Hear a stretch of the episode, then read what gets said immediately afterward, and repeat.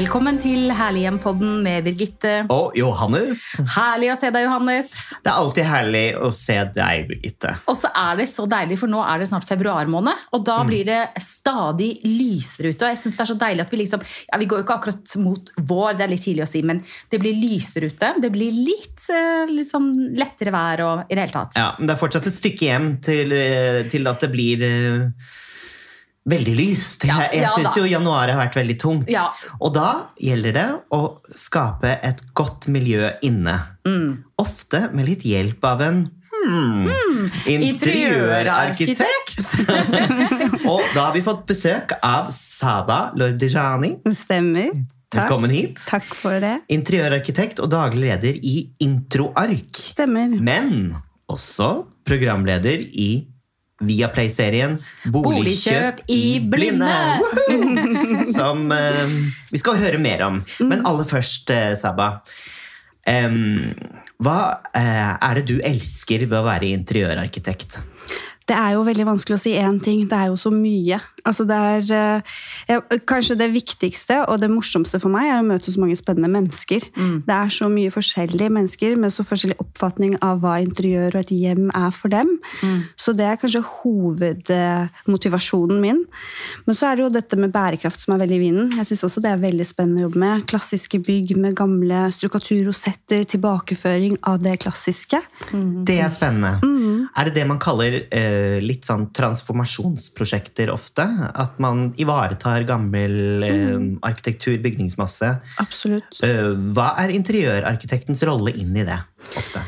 Ofte så er det jo det å finne ut hva, som, hva er boligen, hva er arkitektoniske trekk for det, det bygget, og så tilbakeføre egentlig så mye som man kan, samtidig som man ikke mister det moderne uttrykket. At man klarer å merge disse to uttrykkene sammen. Uh, ofte så, Vi jobber annet på et prosjekt nå fra Ullevål hageby. Oi. Ja, og Da er det jo et gammelt arbeiderbygg, egentlig, men så ble den jo bygget i sin tid for arbeiderklassen, men den ble såpass dyr at den gikk over til overklassen. Og det er sånn, Historikken som følger med dette, og materialiteten som følger med bygget, blir jo veldig viktig å ivareta.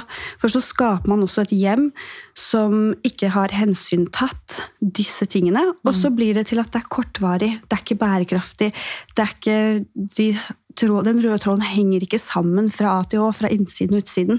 Så det er jo et kjempespennende prosjekt å jobbe med. Ja, Det kan jeg godt tenke meg. Kjempespennende. Og, men er det utfordrende? Altså, de eh, fasadene for eksempel, på Ullevål hageby er jo eh, veldig satt. Det er jo sånn de er, og de er jo nydelige, selvfølgelig. Og man kan jo ikke, de er fredet. Men inne så kan man jo ikke kanskje nødvendigvis leve som man gjorde på den tiden. Eh, hvilke type utfordringer kan man møte på når man skal jobbe med et sånt eh, bygg? Altså, Hvis man er uerfaren innenfor sånne bygg, så kan man jo møte på ganske mange. Det er sånn som du sier, Fasaden er um, på gul liste, den er verneverdig, det er veldig store begrensninger. Og så har du også et sameie som må følge opp tett hele prosessen, som krever å komme på byggeplass, se at ting er blitt gjort, gradvis underveis i prosessen, som gjør at det forlenger helt og alt. Så det er jo ikke Jeg ville jo ikke kastet meg ut i et sånt prosjekt alene. så gode rådgivere er jo veldig kjekt. Og så er det jo veldig fint å ha en entreprenør som er kjent med byggene. Så en entreprenør som er kjent med boligområdet, eh, vet hvor han skal kjøpe vinduer og diverse som har endringer på fasade som er søknadspliktige, det er gull verdt i en sånn samarbeid. Men hvor vanlig er den problemstillingen eh, i Norge? Altså Ullevål Havby er jo et spesielt eh, område, og som du sier var et eh, arbeiderklassestrøk som har blitt et overklassestrøk, der det er veldig mange bevisste beboere. Eh, Det er en litt sånn intellektuell eh, crowd som bor der, litt sånn akademikere. Ja, mye TV-folk. TV-folk, Ja. og også hvis du tenker at det er jo veldig i nærheten av sykehus, universitet. altså Det er mye sånn professorer, leger. mm. Det er jo den derre intellektuelle skaren som på en måte har eh, eh, Flyttet inn dit. Flyttet inn. Ja, og og da vil de jo ha der. på arkitekturkanten. Men hvor vanlig er den problemstillingen? Altså at vi har sånn litt klassiske og verneverdige. Ja. Vi har jo fått flere av disse prosjektene i og med at vi har litt kjennskap til dem. Men det er veldig mange nybygg også hvor vi ikke tar hensyn til verneverdige bygg. Så det, er jo kanskje 20% av prosjektene vi utfører. Og det er jo ikke vanlig for de aller fleste. Men man kan dukke på, eller møte på andre utforutsette utfordringer underveis i prosessen med hvilket som helst bygg, vil jeg si. av erfaring. Det er godt å være forberedt. Spesielt de hagebyene er jo opptatt av det. da. Altså, eh, Arktanderbyen også, som er i Oslo, det er den Norges eldste eh, hageby. Der er de også opptatt av de runde vinduene, og at det skal være grønt og hvitt på fasadene. Altså, Det er ganske mange regler, altså. Ja. Veldig. Og det er fint å ha litt kjennskap til de reglene. Det er kjedelig å bomme helt når man først Ja. i gang. Men inne kan man boltre seg litt. Og er det noen spennende prosjekter nå i Ullevål hageby som du kan snakke om? Ja, Vi har faktisk et eh, prosjekt vi satte i gang med i dag, med entreprenør. Så det er jo, vi er veldig begeistra for å komme i gang der. Um, der er det jo veldig det å ta i vare det som er eksisterende, og tilbakeføre. For det har vært generasjoner med oppussing. Og det er, det er litt lappeteppe. Det er kjøkkenet fra 50-tallet, det er gulv enstav som er nyere tid. Altså, det er så mye forskjellig. Så her tenker vi tilbake det som er typisk med mønstergulv. eh, Lister i taket som ikke er stukkaturer og rosetter, for det er ikke så typisk for dette bygget. Og prøver å formidle det formuttrykket på en riktig måte. Terrasso innføres igjen, og det er veldig gøy å jobbe med. Hva er terrasso? Terrasso er en blanding av sement og flis. Så hvis du spetter opp uh, forskjellige stenarter, og så legger du sement imellom, så får du disse, Nettopp. det, ja, dette Ja. spettete mønsteret. Ja, riktig. Og det, det er typisk for hvilken tidsepoke? Det er egentlig 50-tallet og 60-tallet, men man finner det veldig langt tilbake i tid. Så 100-150 år tilbake i tid, så kan man også finne det, bare begrenset eh, be, Mer begrenset eh, eh, opplag av det, egentlig. Ja, for jeg tenker på, da tenker jeg på Sør-Europa når du sier det. Ja. Da tenker jeg ikke sant, på, sånn, ja, på Italia, Frankrike eh, Og det brukes også veldig mye der, kanskje enda mer med farger. Og det har kommet litt i vinden her i Norge, vil jeg jo si. At det med terrasso nå ikke lenger Hvis du finner det her i disse gamle gårdene, så finner du det veldig um, ton i ton. Det er mye grått og sort, og Ja. disse tonene du finner stort sett i trappeoppganger i gamle Ja, riktig. Mm, Ja, så der kanskje Ja. dere har Ja. opplevd det tidligere. Ja. Men nå kommer det jo veldig mye farger som tar opp dette fra Sør-Europa Mm. og henter det inn i det norske. Og det er jeg veldig glad for. Ja, er det en Elsker jo farger. Ja, det er en veldig stor trend, vil jeg jo si. Med turkis og gult og Ja. de fargene der. Ja. Og her, nå kan du jo også kontakte fabrikkene, så vi kan jo lage terrasso på ønske. Med ønskede farger, ønskede sementuttrykk. Så Mm. det er jo veldig gøy. Ønsket sten. Det er også mye Nå snakker jeg så fort her. Nei, det er så spennende å høre på. Herregud. Det er også litt sånn at man kan bruke gjenvunnet glass. Så vi har også eh, vært borti hvor de lager terrasso fra gamle glassflasker som ikke er lenger i bruk. Og så gjenvinner de det, lager nytt gulv ut av det. Oi. Og det er også veldig spennende. Ja, herregud, så kreativt. Mm. Hvordan kom man på det? Med god hjelp av gode kollegaer og andre i bransjen, vil jeg si. Masse sparring med kollegaer. Mm. Men eh, Jeg skal slippe Ullevål Hageby etter hvert, men det, bare, det, er, eh, det er ikke mye rosetter, og det er ikke liksom de der 1890-talls Frogner-leilighetsuttrykket som er gjeldende der, på grunn av at det egentlig kanskje var ment for litt enklere kår. arbeiderklassen. Ja, arbeiderklassen. ja. Rett og slett. Selv om det er sånn som du sier, advokater og leger som bor der i dag, så er det jo sånn det ble på den tiden også. Det var stort sett de som flyttet inn. Så det ble fortsatt dyrt for arbeiderklassen på den tiden òg. En fun fact om Ullevål Hageby er jo at eh, de som allerede bor der, har ansiennitet. Slik at de har lov til å mm, Ja, de stiller sterkere i en budrunde. Det visste ikke jeg før. Forkjøpsrett? Ja. Mm, så det har, det har, Det det har faktisk mene- Ullevål Hageby fått litt kritikk for. Ja, det kan man jo mene mye om. ikke Ja. sant? I et eh, stadig eh, både tettere og dyrere boligmarked. ja. Men det er kanskje en annen pod. Men det er morsomt at du forteller om det at vi trekker inn eh, mer eh, holdt jeg på å si, klassiske søreuropeiske eh, tradisjoner da, inn, i, inn i det norske. Hvilke andre liksom, trender kan du se sånn eh, byggmessig sett? Altså Tenker du arkitektonisk? Ja. fordi der tror jeg nok vi setter mer og mer pris på det som er bærekraftig. Også fordi vi går inn i dette bærekraftige og får mye mer fokus på det, så blir det også viktig for oss at vi har materialer som er holdbare. Mm. Og det er der dette søreuropeiske europeiske kommer inn. Og det er også der den norske kulturen har vært tidligere, Ja. når de har pustet opp. At det er plastbygde møbler. Du tok mye mer vare på ting. Ting var mye mer holdbare. Det gikk i arv. Og det kommer mer og mer tilbake, og det er kjempefint å se denne endringen, for det er såpass viktig for Men hvor lenge skal liksom noe vare? da? For Mm. materialer. Hvor lenge skal de eh, vare for at de får liksom definisjonen bærekraftig? Det, er jo, det kommer jo litt an på, men jeg tenker at um, et kjøkken som f.eks. skal ha et levehold på 25-30 år, bør kunne holde 50 år. Det skal ikke måtte byttes ut. Og hvis man er, og jeg, jeg syns jo trender er veldig gøy, men jeg tenker at man må gå litt vekk fra trender også. For hvis man hiver seg på en trend, så får man denne kortvarige, og så blir det melk og brød. Du ser det så hyppig at du blir så lei. Så klare å finne din identitet har blitt kjempestor trend. Det å klare å finne dette personlige preget. Og så tørre å være litt vågal og tenke bærekraft. Og da varer det også lenger, for det blir et helt annet sånn komplett Men jeg tenker grunnen til at folk ofte velger melk og brød, da, det er jo fordi at man har råd til melk og brød. Og man har kanskje ikke råd til russisk kaviar og champagne. ikke sant? Fordi når man snakker bærekraft og gode materialer, ikke sant? man snakker treverk og man snakker marmor, og man snakker om at et kjøkken skal vare i flere generasjoner, og plastbygde møbler og sånn, så er jo dette et spørsmål om pris. Så, spør, så spørsmålet er hvordan kan man klare å kombinere eh, både det som er overkommelig økonomisk, og det som er eh, bærekraftig over tid, da. Mm. Så det er jo litt morsomt, for i starten så er det jo litt spørsmål om hva som motiverer meg. Og det her er en del av det som motiverer meg i den jobben jeg gjør. Fordi det er ikke, som du sier, alle har ikke råd til det. Og det, jeg vil gjerne at dette skal være overkommelig for absolutt alle. Men da fins det jo måter man kan finne materialer som ligner. Før var det marmor, og det var eh, sten. Nå er det jo keramiske fliser som etterligner såpass mye, og som er enda mer holdbare over tid. Og som gir det samme uttrykket og løfter helheten på boligen. Så man trenger, ikke å, man trenger ikke å gå på kompromiss. Det er ikke sånn det er lenger. Det fins så mye godt utvalg til en bedre pris, som allikevel gir deg det helhetsinntrykket. Det er gode nyheter, da. Ja. Er viktig. Hvilke trender er det du har eh, sett deg lei på, da, hvis du tør å u u u si noe om det? Oi. Ja, ja.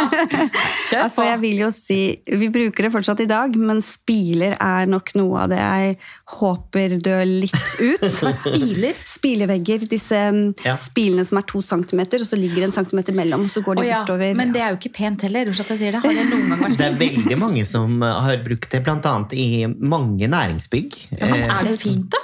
Jeg syns det er fint, men jeg skjønner at du har sett deg litt lei på det i din rolle som fagperson. For du har sikkert sett veldig mye av det, Det og det. det. mye ønsker. Ja, det har blitt veldig trendbilde, og da får man jo etterspørsel om disse spillene. Nesten i hvert eneste hjem, vil jeg jo si.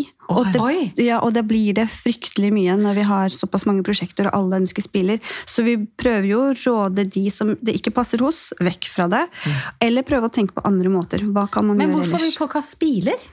Kan jeg komme Altså, først, nå? Kan jeg komme med bæsjer bæsjer jeg kanskje på leggene. Altså, det jo, det Nei, jeg synes det er ganske fint, men jeg, men jeg må bare spørre om jeg har rett. Jeg har ikke svar på dette her. Men har det noe med akustikk å gjøre også? Og tekstur? Det har blitt det spesielt eh, det man får kjøpt på disse mm, stormarkedene. Så har det blitt akustikkplater på baksiden, og så eikespillet foran. Og da har du den sorte platen bak, og så har du lys eik foran. Og det er så forstyrrende å se på. Fordi du, det er som å se på en stripete Flimmer. skjorte. Ja, det er sånn flimmer. Sånn Ja. som var på TV i gamle dager når det ble uss. Når du mista signalet, så var det sånn uss, vet du. Ja. Ja, det er helt Sant, ja, håpløst. ja. Så det vil jeg jo Jeg visste ikke at spilevegger jeg har ikke fulgt med i det hele tatt, at det var så veldig poppis. Men jeg syns det er ganske fint, men jeg, jeg skjønner at det har vært veldig mye av det en periode. Og det, er jo liksom ikke lenge siden det har vært mye av det heller, sånn som du sier nå. At nei, det er det- mange som etterspør det. Ja, det har vært vart såpass lenge òg. Og det har jo vært sånn som du sier, i næringsbygg over lengre tid. Vi finner jo spiller tilbake, langt tilbake, mange år tilbake i tid. Men i trendbildet så har det vart så utrolig lenge, og det er fortsatt i trendbildet. Og jeg tror det er litt sånn mangel på det å finne et alternativ som gjør at det blir så populært. Fordi du kan bare krasje det opp på en vegg, og så får du treverk inn i boligen, og så gir det den lunheten veldig raskt. Ah. Men så blir det sånn som denne ascendantveggen, denne ene veggen som har en eller annen knæsj blå tone, den mister litt sånn effekten etter kort tid. Den er kortvarig. Og vi vil ikke ha noe kortvarig. Alt Men, skal altså, vare. hvilke, andre, hvilke andre trender er det? Dette er jo veldig morsomt. Muligens politisk ukorrekt. og muligens Vi kritiserer noen av lytterne våre, men, men, nå, men det er morsomt. Men hva annet er det som du, som du er litt sånn lei av? Ehm, ja, si det. Det er, det, er, det er ikke så mye man er lei av, fordi jeg vil jo si at selv biler fungerer jo egentlig. Det er bare måten det blir brukt på. Absolutt. Så man vil jo ikke tatt det bort fra noe hjem. Men jeg kanskje litt uh, syns det er synd da mer at man ikke tenker mer og har mer fokus på belysning og akustikk. For det er så viktige temaer. Man kan ha utrolig flott hjem, og så har man helt feil belysning, og så blir fargene grå istedenfor å få de fargene du ønsket. Eller at du setter deg ned, og så varer det en halvtime, times tid, og så må du trekke deg ut, for du klarer ikke å oppholde deg i rommet for lenge. Og jeg er så enig! Og, og det tror jeg, sånn som meg som ikke er fagperson, bare merker, men greier ikke å sette ord på det. Og greier ikke helt å sette følelsene på det heller. Eh, men veldig mange syns det er hyggelig å være hjemme hos meg og deg, Birgitte. Fordi vi kanskje har en del lyskjerner, eh, kilder, lyskilder rundt omkring, eh, som ikke gjør at man blir sliten. Mm, og det handler jo også veldig mye om dette tåkelyset. Hvis det er helt flatt lys, så har ikke blikket noe å feste seg på. Er det kun én type lyskilde, så blir det også veldig flatt. Og så blir det veldig tungt for blikket. Så det handler jo egentlig om det psykiske, altså den, den delen som går på forskningsprosjekter rundt akkurat det med hva lys gjør med oss, hva farger gjør med oss, hva akustikk gjør med oss. Når du sier tåkelys, hva er et eksempel på tåkelys? Si du står på um, slalåm, eh, og så har du helt Altså, himmelen er helt flat. Det er ikke noe sol, sollys som kommer inn, så du får ikke noe lys- og skyggeeffekt. Alt er helt flatt. Alt er grått. Men da i et hjem, hvordan vil det, er det eksempel hvis du har eh, bare downlights med full styrke, hvitt lys og ingen er det for eksempel, For eksempel, det? Ja, okay. ja, at du har for mange downlights for tett inntil hverandre, så lysspredningen blir helt flat. Ja. Du får ikke noe lys- og skyggeeffekt, fordi det er ikke noe Så man får eh, liksom ikke noe steder å hvile. Finner ikke hvile. Ja. Eh, ja, ok. Men det har jeg, det har lært. Uh, altså det å ha mange lyskilder og uh, varierte lyskilder. Altså små lamper, store lamper, uh, dempede lamper, liksom f liksom på pærene. Ja, ja, men det er Det er derfor jeg synes det var så grusomt da jeg var singel å dra på date på sushirestauranter. Åh, Der er det i hvert fall sånn eh, ja, er tåkelys. rart? Er det det? Ja, på sånne litt sånn Oh kafé... Det var i hvert fall veldig populært før at det skulle være veldig synlig at, og, og lyst hele, Ja, alt sånn konstant. Liksom. At det på en måte var noe, noe rent Ja. med det. At, hvis, Ja, Mm. jeg tror det, det har bare var en sånn eh, Man ser det spesielt på næringsbygg at det bare, og restauranter og kafeer som er litt tilbake i tiden. At det bare pepres taket fullt. Eller så er det store plafonner av disse lysskildene Ja. som ser ut som en kjempespott. Og det blir veldig slitsomt å være i. absolutt. Så du har vært mye på date på sushirestauranter? Ja, ja. Måtte, måtte det. Og man blir slitsom å se man må på, ikke bli for, man må ikke bli for mett når man skal på, på Man må føle Men man blir jo slitsom å se på. Det er ikke bare slitsomt å se på, man blir slitsom å se på, for at alt syns jo, ikke sant? Ja, ja. Sånn, flash! er Der var det en kvise, og der var det en rynke, og der var det en skrukk, ja. Og der kom dobbeltlakka jammen fram. Men, eh, men når du snakker med kundene dine, er det sånn at du tar dem gjennom de sanselige opplevelsene et rom skal gi, før de begynner å komme med ønsker om estetikk og valg av eh, ja, artikler og, og Mm. stilretninger? Det er kanskje motsatt. Jeg, først så får jeg inntrykk av hvem de er. Hva er deres sanseinntrykk? Hva er stilretningen? Og så tar jeg dem gjennom hva, hva de forskjellige rommene kan innebære og kan inneholde. Og det at man har et hjem som er helt totalt beige overalt. Noen liker det og foretrekker det og kan leve med det. Andre syns det blir for kjedelig og for flatt. Så det at man kan kanskje ha et eh, toalettrom som er litt kreativt, man kan gå inn og få en annen energi innspurt, og så ut igjen til et annet rom som gir deg et annet energi. Men hvordan finner du ut av det? Fordi at jeg tenker at Noen er jo veldig bevisste. ikke sant? Sier sånn 'Jeg liker det, eller jeg liker den, eller liker den tidsepoken eller den tidsepoken'. Men for mange andre er det jo sånn at eh, Ok, jeg har kjøpt meg leilighet, eller eh, vi skal bygge et hus. Jeg vet egentlig ikke hva jeg liker, for jeg liker veldig mye forskjellig. Jeg syns hun har det kult, jeg syns han har det kult. Hvilke spørsmål stiller du da for å finne ut av hvordan du på en måte skal kartlegge deres eh, smaksbilde, da, hvis jeg kan kalle det det? Ja, det, og det er vanskelig å kartlegge òg, for det tar tid å kartlegge. Så det blir jo veldig mye at de må gransake seg selv litt òg. For de kan være veldig 'vil ikke blå nå', eller 'vil ikke rød nå'. Og det er ikke det vi ser etter. Vil ikke hva vi ser etter hva liker du over tid. Hva har alltid fulgt deg over tid. Så hjelper ikke at akkurat nå er gul en trend, og du elsker gul. Ja, men da kan man ha innslag på gul på enkelte områder, hvor man kan også bytte det ut uten at man må rive rive et kjøkken eller rive et bad. Og da blir jo det viktige, eller måten jeg klarer å få det frem på, blir jo det å bruke bilder, bruke den effekten, og få ærlig svar tilbake, og så lese egentlig kunden. Og det her er jo opparbeidet over tid også. Det er sånn nesten som å fange en energi. Det er vanskelig å beskrive hvordan man opplever det. Men du møter jo ekstremt mange mennesker og, hele tiden.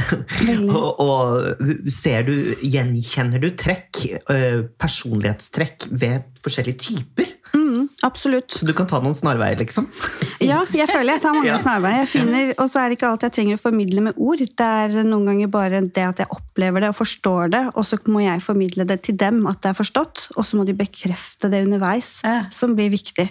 Ja, Hvis de ikke bekrefter det, da tar du fram øh, lyndetektortesten, Ja. og, ikke sant? og så finner du sannheten. Ja. Men bruker du sånn type sånn vision boards, eller sånn at du lager type sånn collage, men liker du, den, det, liker du det bildet best, eller det bildet best? Eller, Ja, på, ja, jeg gjør det, men bare med materialer. Med, materialer, ja. ja. Så at de får kjenne på det og se på det. Og Å, ja. få, for det, det er så variert. Noen kan si de elsker nordisk stil, Mm. og det definerer ingenting for meg. Det er så bredt, og det er så udefinert. Mm. Så da må jeg finne ut ok, nordisk stil i hvilken retning, hva slags trematerialer, hva er det du triv... Så det er en Mm. jobb. Og det med boligkjøp i blinde, bare for å kaste inn det, så har man jo så begrenset tid. Ja. Så der er det ett møte. Og så må du bare forstå. Så Ja, der er det energien. Vi må snakke om TV-programmet som går på Viaplay. Der kan man se for hele første sesong nå, ikke sant? Eh, Boligkjøp i blinde, hvor du er en av tre programledere uh, som hjelper nordmenn med uh, å finne drømmehjemmet. Mm. Kan du ikke bare to setninger si hva konseptet er? Konseptet er egentlig det at det er mange som sliter med å finne bolig.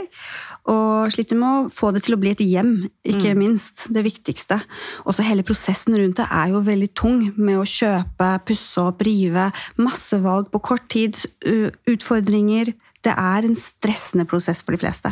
Så her får vi egentlig Dere sparer penger over lang, lang tid, som er en stressende faktor i seg selv. For de gir fra seg alt de har opparbeidet seg over tid. Og så får vi et møte med dem, og så får de, pusser vi opp, og så får de det levert når det er ferdig. Så de får se det før og etter. Så der gjør du alle de analysene du har snakket om i, i detaljen nå. Eh, vi ser en, en mikroskopisk del av det på TV, men plukker ut en del interessante eh, deler av prosessen for, som speiler eh, caset, da. Som er eh, casten i hver enkelt episode. Ja. Og da er du programleder med Karianne Amli og Christian prikk, prikk, prikk. Nå husker jeg ikke etter navnet hans. er det det? Ja. Det er Men du, da lurer jeg veldig på, er det noen som eh, Det er alltid sånn når eh, eh, i oppussingsprogram eller no, no, overraskelsesmomenter, ikke sant? er det noen som har vært misfornøyde? Ikke foreløpig, så vi får håpe. Ja. Nå tok jeg kanskje spenningen fra neste episode. Nei, nei, nei, nei, nei, nei det, men jeg tenker Ja, for det blir en sesong til? Det er jo disse to sesongene som Ja, vi har laget to sesonger, så det, vi er ferdig med opptakene. Men det kommer nå ut i mars-april, i vårparten i hvert fall. Å, så gøy! Mm, det gleder vi oss til. Det blir veldig gøy. Ja. Men jeg er veldig spent på det du sier eh, om eh, hvordan du går fram når du skal finne ut av hva folk liker. ikke sant? For alle som har jobba med TV-produksjon, vet at man har innmari dårlig tid. Ja. Det skal skje fort. Eh, du skal ta viktige beslutninger, som du sier. Dette er jo viktig. altså Folks hjem, det er jo Hele grunnlaget for herlighjem er jo at det er jo noe av det viktigste vi har. Det er jo våre hjem. Altså ikke våre hus, men våre hjem. Det som gjør at det blir ditt. Personlig. ditt eh, og der du føler deg trygg. Um, så tenker jeg sånn eh, hva, hvilke egenskaper er det du har som gjør at du evner å sense hva det er folk eh, ønsker eller liker eller vil ha? For at du må jo ha noen spesielle kvaliteter. mm. tenker jeg. Altså, er du veldig intuitiv? Jeg, jeg vil jo like å tro at jeg er intuitiv. Ja. Og så elsker jeg jo mennesker. Ja. Altså jeg synes jo Det mangfoldet som fins i mennesker, er jo helt fantastisk. Ja. Både, også Spesielt også de finurlighetene som gjør oss annerledes. Mm. Som gjør at man skiller seg ut. Så jeg leter jo litt etter disse når jeg er Mm. eh, i oppdrag og prøver å bli kjent med dem dypere, på et dypere nivå. Og så plukker jeg jo opp veldig rundt meg alt som er i omgivelsene. Så når jeg er hjemme hos dem, så er det ikke sånn at det er, det er, det er inn i et hjem, og da plukker jeg opp alt av det de har valgt hittil, og så samkjører jeg det for å kunne skape det, deres nye hjem hakket over å få inn de elementene de drømmer om i tillegg. Mm. Så fint. Ja, veldig fint. Virkelig. Men eh, du jobber jo i et firma som heter Introark. Um, og der er du daglig leder og interiørarkitekt med hvor mange andre? Det er ca. fem? Er det ikke noe sånt? vi er totalt fem. Ja. ja det var ikke verst. Ja, bra. Gjort researchen din. Ja, hva, eh, hva gjør at eh, deres eh, firma fungerer så bra? Ja, si det. Altså, det er jo mange firmaer som blomstrer nå. Vi jobber jo tett med andre interiørarkitekter også. Og det er fint å ikke ha spisse albuer. Vi syns jo at det kreativiteten som flyter mellom, er jo veldig fint. Men det er kanskje det at vi fokuserer på å, på å lage noe til budsjett. Det er veldig viktig for oss. At vi prøver å få mest ut av det budsjettet kunden har, for å klare å skape mest mulig for dem. Eh, og så er det jo det at vi ikke låser oss til stilarter. Hvis noen vil ha Slettvoll-stil, kall det det, så er det mulig å få. Det ikke, vi begrenser ikke uttrykkene basert på hva vi ønsker å designe, men mer hva de som skal bo der, ønsker å få. Og kan lage fargerike hjem til klassiske hjem til mørk Altså alt mulig. Men hvor tidlig i prosessen kommer dere inn? Helst så tidlig som mulig, hvis Ja. du spør meg. Ja. Men vi kommer noen ganger sånn Du, vi må velge stikkontakter, og entreprenøren er i gang. Ja. Så det er ofte litt sånn i panikken også vi kommer inn. Så det er veldig forskjellig fra prosjekt til prosjekt. Mm. Men helst så tidlig som mulig. Jeg tenker sånn I andre prosjekter hvor dere jobber med utbyggere og sånn, eh, er det et problem at eh, interiørarkitekter eh, kjenner på at de kommer for sent inn i prosessene? Absolutt. Jeg tror det er det mest fellesnevneren hos alle interiørarkitektkontorer, er at vi kommer veldig sent inn. Og skulle gjerne vært tidligere i fasen. Så er det noe egentlig bransjen burde jobbe mer med å forbedre? Ja, ja så det er jo privatkunden det handler om ofte, eller prosjektkunden for næring. Som, der er de nok litt tidligere i fasen. Ja. Næringsprosjektene er, men selv der også brenner det litt. De finner en, en, et lokale, og så vil de gjerne ha hjelp. Mm. Du, jeg må bare spørre, for jeg er kjempenysgjerrig, for det er veldig gøy å ha da en interiørarkitekt som også er programleder på TV i mm. et TV-program, og, og liksom litt mer om det inn og ut og trender 2024, for jeg vet at lytterne våre elsker det. Ok, Så vi var inne på disse spilene uh, i stad, men fortell litt om hva du tror eh, er trendene for 2024-2025, da. For at det ikke bare det er sånn fashion, liksom sånn what's hot and what's not, og gult og rosa, eller hva det nå enn er. Men hva, hva tror du vi ser um, i, i I årene som kommer når det gjelder uh, bolig og hjem og, og stil, da, hvis du kan kalle det det? Vi, er, vi ser jo allerede en trend som går faktisk mer mot plastbygde. Selv om budsjettene er lavere, så er det blitt viktigere hos absolutt alle det å få noen unike møbler som er langvarige, som følger med boligen. Det har skapt en merverdi. Og så tror jeg også det med at man er så ute etter å finne litt sin identitet, har vært veldig viktig. Og i tråd med disse to så ser vi også mer sterkere farger. Det kommer mye mer fargeglade farger. Og kombinasjoner av fliser, materialer, treverk, eh, terrasso i forskjellige mønstre. Og den sammensetningen av alle disse har kanskje blitt enda viktigere. At man er ikke lenger ute etter én tone overalt. Man er ute etter å kunne bruke fem til seks materialevalg, to til tre farger i ett og samme rom, og allikevel få det til å harmonere og lage noe unikt. Så det er i hvert fall en trend. Men hva er trikset da for å få det til å henge sammen? Fordi ikke sant, Hvis man liker, og veldig mange av oss liker jo veldig mye forskjellig, men har kanskje en grunnnote da, som er enten eklektisk eller mer klassisk. Eller? Man har en grunntone, men så liker man masse annet. Hva, hva er liksom clouet for, for de som da lytter nå, og som tenker sånn, har lyst til å liksom gjøre litt selv, da, bare med det utgangspunktet de har? Hva er clouet for å få ting til å henge sammen? I en rød tråd, det er mange års erfaring, så det er liksom vanskelig å definere det på veldig kort tid. Men hvis det er farger det er snakk om, hvis vi holder oss til fargepaletten, så vil jeg jo si at det er å holde samme sorthet og hvithetsgrad i fargene. Så hvis du har en blåtone, og du skal ha en gultone og rødtone, og du vil blande masse forskjellige fargetoner, ikke gå for fargesterkt og fargesvakt sammen. Prøv å holde deg på en linje i fargespekteret. Og så kan man heller få innslag av sterkere og svakere farger i interiøret for å lage mer spenning. Så ah. det er et, et, tips. Mm. Men ellers en rød tråd. Altså, alle som skal gjøre noe i sitt eget hjem, lag en farge- og materialpalett. Lag en kollasj. Hent inn farger og materialprøver. Ikke shopp på nett. Ikke, innhent. Be om å få prøve på gulvet, be om å få prøve på gardinene. Gjør den jobben rundt deg, for det er der du ser om det er fargeforskjeller og nyanser som ikke harmonerer. Mm. Det tror jeg det hørtes, jo, men det hørtes lurt ut å ikke få alt servert digitalt, mm. men faktisk å, å, stå og kjenne på disse materialene på et bord. Men det er jo enklere å gjøre når du skal begynne på scratch. da. Hvis du kommer til en, et, liksom en tom bolig. Men hvis du allerede har bodd i den boligen, da, sånn som jeg har gjort, som bodd i en bolig i 16 år, og så tenker du sånn, så kan du kanskje ta rom for rom da, ikke sant, for å få det til å henge sammen. Men hvis man liksom vil gjøre det beste ut av det man i utgangspunktet har. For det er jo en gang sånn at eh, Boligene våre er jo ofte et resultat av det livet vi har levd. Vi har både vært studenter og vi har vært småbarnsforeldre. Og vi har mm. kanskje blitt skilt eller ikke skilt, og vi har jobba mye eller jobba lite, eller tjent mye penger eller tjent ingen penger. ikke sant? Så det, boligen vår blir jo en refleksjon av det livet vi har levd. Mm. ikke sant? Så hvordan skal man eh, gå fram da? For det er jo ikke alle som er så heldige at de faktisk da enten er med i et sånt program som du leder, eller som, eh, som Johannes akkurat har kjøpt seg en eh, flott ny leilighet og kan liksom begynne litt fra scratch. da. Mm. For mange av oss er jo liksom litt sånn ikke stuck der vi bor, for det er litt sånn trist ut, men, mm. men har jo det vi har, da. Ja, Men da vil jeg jo si det er viktig å ha målet klart. Ja. Ha den røde tråden og målet klart. Lag en inspirasjonskollasj mm. med hvor du vil, hvilken retning du vil gå i, og så ha den, trekk den alltid frem igjen når du jobber deg gjennom prosessen, for så blir det så fort å avspore. Mm. Og så kan man jo starte Jeg har jo veldig mange hjem òg som er bebodd og er pusset opp, hvor jeg kommer inn bare som en rådgiver fordi man ikke har tid til å gjøre det tidligere, eller man ønsker å gjøre det nå. Og da er det det å rydde litt opp i overflatene. Det å ok, gulvlisten er én farge, veggen er en annen farge, taket er en tredje farge. Hvordan kan du klare å rydde det rotet som lager støy, så du ikke klarer å slappe av? Det er viktig å få det først på plass få lerretet på plass, og så fortsette med interiøret. Mm. Det syns jeg var et, et, godt tips. Det var et veldig godt tips.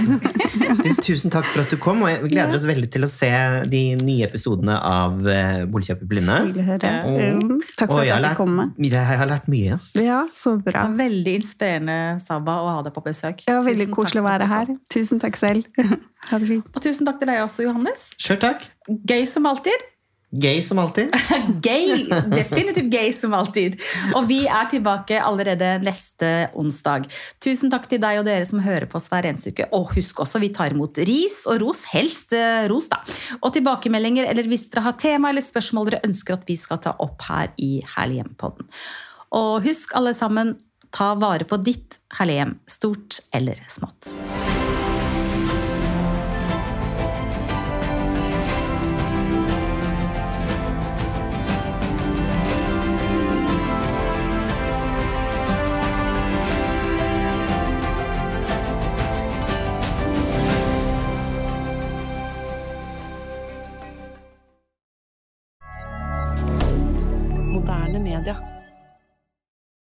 Har du et enkeltpersonforetak eller en liten bedrift? Da er du sikkert lei av å høre meg snakke om hvor enkelt det er med kvitteringer og bilag i fiken, så vi eh, gir oss her, vi.